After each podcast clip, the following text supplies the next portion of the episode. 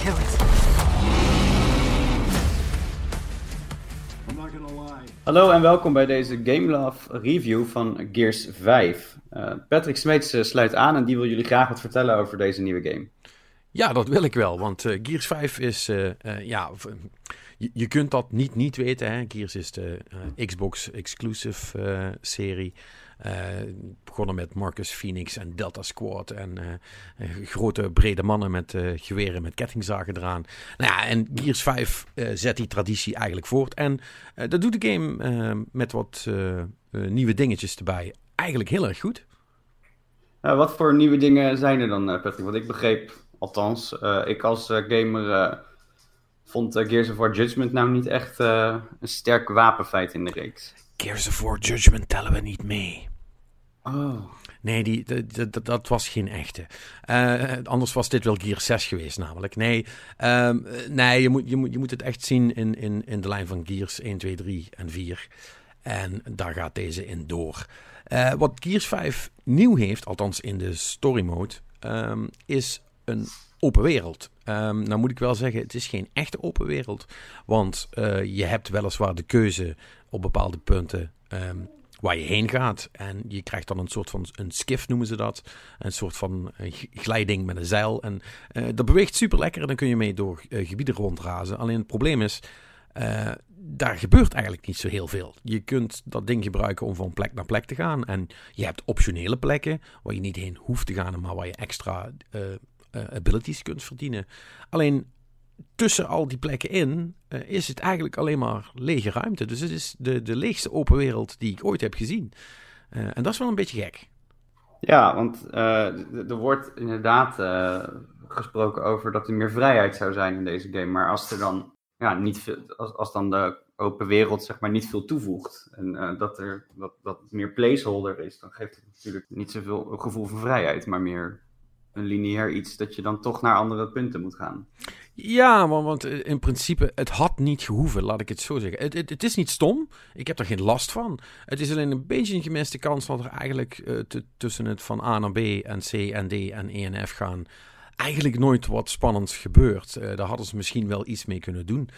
Dat gezegd hebbende, uh, dat is ook eigenlijk wel het enige kritiekpunt wat ik op de game heb. Want voor de rest is het echt geweldig. Gears was altijd al een van de allerbeste third-person action games die er überhaupt waren. En dat zet deze gewoon naadloos voort. Het verhaal uh, ja, goh, het blijft Gears, dus het is niet super spannend. Maar uh, het is prima voor wat het is. En uh, de, de, cutscenes, de settings waar je in neer wordt gezet, de dialogen, dat is allemaal heel erg goed gedaan. En het trekt je in die zin toch echt wel mee. En daarnaast heb je natuurlijk ook altijd het, het heerlijke Gears schieten. Want daar is Gears natuurlijk heel erg goed in. In uh, coole, coole setups maken uh, waar je leuke gevechten in kun, kunt hebben. En dat doet dit deel ook echt heel erg goed.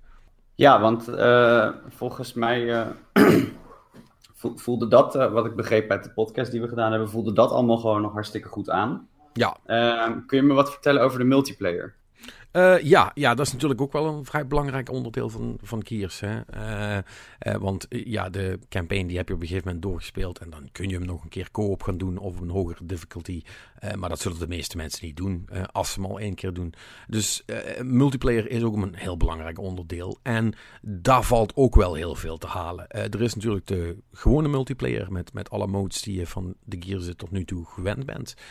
Horde mode zit er ook weer in. dat is ook niet heel veel veranderd ten opzichte van wat het was. Uh, wat eigenlijk het uh, belangrijkste nieuwe is, dat is de escape mode. Uh, en die is wel leuk. daarin word je in een soort van dungeon gezet. En begint het met dat je gif neerzet. en dat begint zich langzaam te verspreiden. En jij moet hem dan peren naar de, naar de uitgang. En alleen je hebt maar één wapen. Je hebt niet heel veel kogels. En je, komt wel wat vijanden tegen die je dan moet strippen voor wat ze bij zich hebben. En dat maakt het eigenlijk wel spannend. Dat is een, een voor drie mensen. En die is wel uh, erg cool om te doen. Uh, met als klein nadeel dat je geen auto-respawn timer hebt als je down bent gegaan. Dus mensen moeten je wel echt komen oprapen. En als je dus met random speelt, loop je het risico dat dat niet gebeurt. En dat is dan natuurlijk wel jammer. Um, los daarvan, nogmaals, heel veel modes. en ook tja, je kunt het een plus noemen. ik was er zelf niet zo kapot van. Er is ook crossplay met PC. En in alles behalve de ranked mode heb je dus wel te maken met mensen die met muis en toetsenbord zijn aan het schieten. En ehm, misschien ben ik gewoon niet meer zo goed in de game, maar dat merk je wel. Nou, Patrick, het, klinkt allemaal wel uh, super gaaf allemaal. Ehm, ja, ik heb in het verleden wat Gears of War titels gespeeld.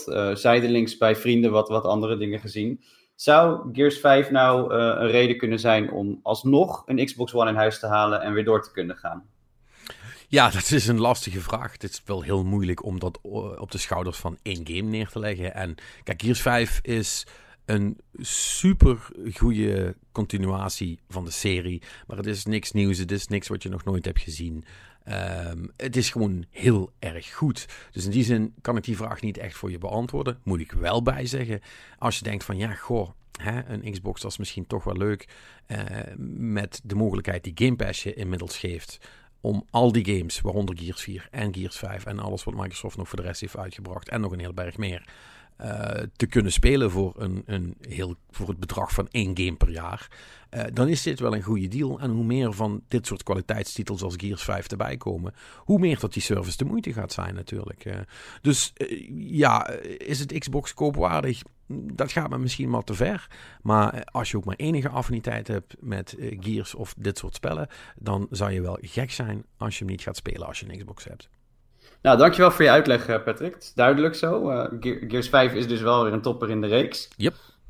En um, nou, voor de luisteraars, uh, we zien jullie of horen jullie graag terug bij de volgende Game Love podcast of review.